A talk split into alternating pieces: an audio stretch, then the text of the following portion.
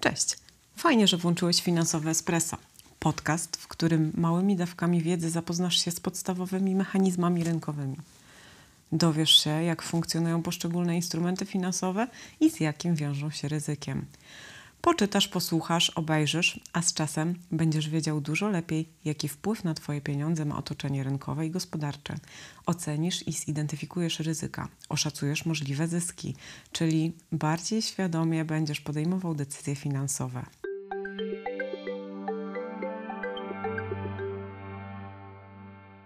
Jak inwestować, żeby zarobić? Na czym na pewno nie stracę? Dostaję sporo podobnych zapytań ze strony klientów finansowego Espresso. Podaj mi jakieś pewne okazje. Co kupić na szybki zysk? Tylko wiesz, Marta, bezpiecznie, tak na 100%. Może teraz zainwestować w akcje, jak sądzisz?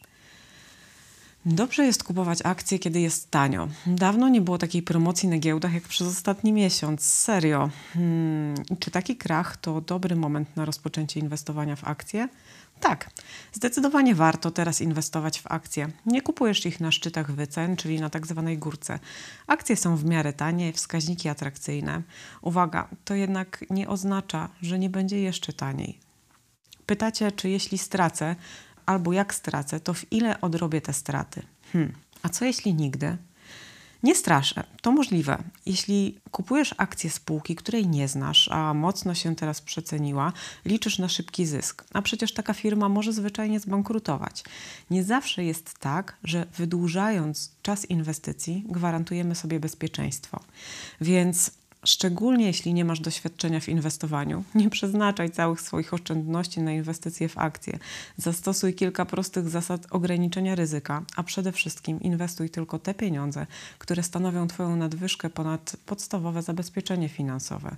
Żaden doradca inwestycyjny, bankowy czy makler nie poda Ci złotej recepty na szybki i duży zysk, który będzie pozbawiony ryzyka. No chyba, że się nie zna.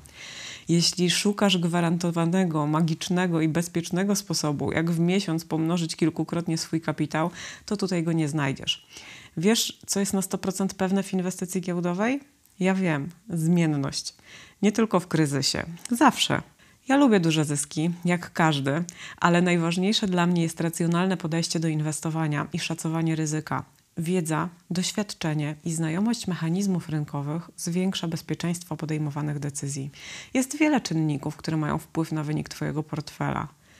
No właśnie, portfela, czyli sensownie ułożonej strategii opartej o wiele klas aktywów. O dywersyfikacji porozmawiamy w kolejnych odcinkach podcastu, a po indywidualne konsultacje zapraszam też na finansowe espresso przez Facebooka. Dzisiaj kontynuujemy poznawanie podstaw wiedzy z rynków finansowych. Warto lepiej poznać wszystkie wskaźniki i otoczenie, a przecież po to tu jesteśmy. Um, wiesz, że nawet lokata bankowa niesie za sobą ryzyko? Dziś dowiesz się dokładniej, co to jest stopa procentowa oraz inflacja i jakie mogą mieć wpływ na nasze finanse. Oprocentowanie, no to taka kwestia, która określa, ile odsetek dostaniemy albo ile zapłacimy, jeśli pożyczymy lub kupimy czyli ile kosztuje nas kredyt albo ile zarabiamy na lokacie. Tak określony koszt pieniądza ma każda waluta, bo dla każdej waluty ustalana jest inna stopa procentowa. Na potrzeby finansowego espresso interesuje nas tak zwana stopa czy stopy rynku międzybankowego. Czym jest stopa procentowa? To narzędzie polityki monetarnej banku centralnego, służące do regulowania ilości pieniądza na rynku.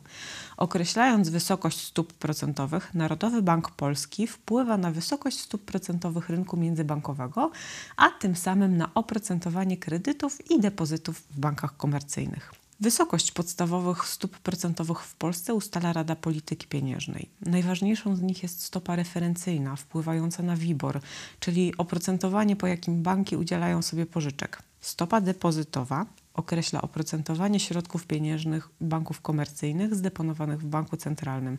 Z kolei ta lombardowa interesuje pewnie każdego posiadacza kredytu, bo zgodnie z ustawą jej czterokrotność oznacza maksymalne oprocentowanie, które banki mogą pobierać od udzielonych kredytów. Ostatnia z podawanych stóp, redyskontowa, ma w Polsce niewielkie znaczenie, bo weksle są bardzo mało popularne. Kto, kto może się zainteresować wysokością stopy e, redyskontowej, to studenci, bo właśnie tą stopę stosuje się do obliczania odsetek spłacanych w ramach zadłużenia e, tak zwanego kredytu studenckiego. Aktualnie, czyli w maju 2020 roku, wysokość stóp procentowych Narodowego Banku Polskiego prezentuje się następująco. Stopa depozytowa 0, referencyjna pół, redyskontowa weksli 0,55, lombardowa 1. To historycznie najniższe stopy procentowe występujące w Polsce. Najbardziej uzależnieni od stopy procentowej są miłośnicy lokat. Inwestorzy, którzy wybierają tą bezpieczną formę oszczędzania, szybko odczuwają zmianę oprocentowania po zmianach stóp procentowych. Przy czym spadek stopy procentowej niemal natychmiast przekłada się na gorszą ofertę lokat, a jak stopa procentowa rośnie, to banki reagują um, troszeczkę wolniej. Ale najbardziej odczuwają zmienność stóp procentowych inwestujący w obligacje. E, no, szczególnie można powiedzieć, że ci inwestujący w obligacje poprzez fundusze inwestycyjne, bo uwaga, wzrost stopy procentowej to spadek wartości obligacji, a spadek stopy procentowej to wzrost wartości obligacji. To efekt działania dyskontowania z matematyki finansowej. Jak to się ma do posiadanych obligacji i jak rozumieć to ryzyko?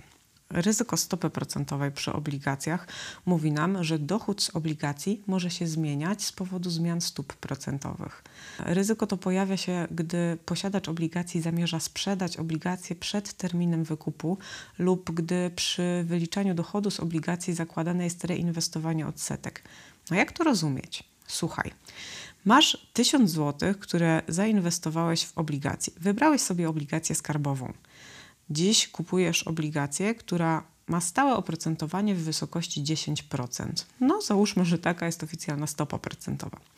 Za rok powinieneś zatem dostać 1000 zł swojego kapitału i 100 zł odsetek.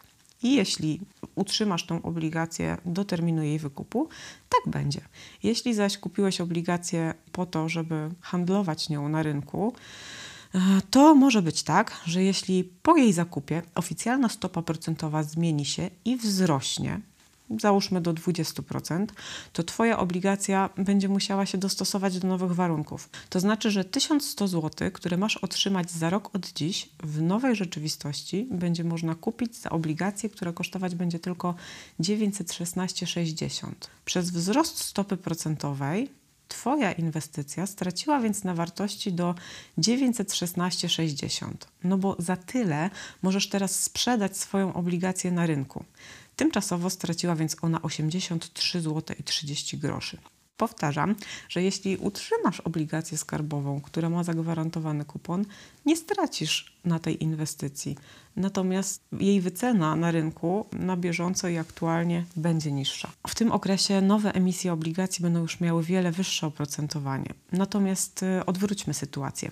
Gdyby jednak chwilę po Twojej inwestycji stopa procentowa spadła do 5%, to odwrotnie niż wcześniej wartość Twojej inwestycji by wzrosła wyniosłaby 1047 zł i 60 groszy. Podsumowując, posiadacze obligacji w momencie zmiany stóp procentowych obserwują podwyższoną zmienność wyceny tej klasy aktywów. Dla inwestorów na rynkach akcji zmiany stopy procentowej są mocno uzależnione od kilku innych czynników, przykład od aktualnych nastrojów w gospodarce. Identyczna zmiana stopy procentowej w różnym otoczeniu emocjonalnym może mieć skrajnie różne efekty. Obniżka oprocentowania powinna uwolnić nowy kapitał, zachęcić do inwestowania w akcje, bo akcje powinny zyskiwać na wzroście gospodarczym czyli generalnie akcje powinny rosnąć przy obniżkach stóp procentowych. Jednak jeśli taka sama obniżka jest interpretowana przez rynki jako działanie motywowane obawami o nadchodzącą recesję, tak jak na przykład teraz, recesję czy spowolnienie, to jest potwierdzeniem argumentacji, że czas szybko pozbywać się akcji. W drugą stronę przy podwyżkach interpretacja i reakcja również mogą przybierać niemal dowolny kierunek. Więc jeżeli chodzi o tą klasę aktywów, musimy wziąć pod uwagę o wiele więcej czynników niż przy lokatach czy obligacjach skarbowych. Ogłoszona stopa procentowa jest oficjalnie najniższym rynkowym oprocentowaniem kredytu banku centralnego. Ten ustala ją tak, aby zapewnić stabilność w gospodarce i starać się kontrolować inflację. Wysokie stopy procentowe przeciwdziałają inflacji. Dlaczego? Przy wysokich stopach procentowych pieniądz jest drogi. Nikt nie chce brać wtedy kredytów, bo spłaci znacznie więcej niż pożyczył. Zarówno przedsiębiorstwa, jak i gospodarstwa domowe ostrożnie sięgają po pożyczki, dlatego spada ilość pieniędzy e, na rynku. W praktyce oznacza to, że towary i usługi sprzedawane są po niższych cenach, bo niewiele osób chce je kupować. Oczywiście to tylko teoria.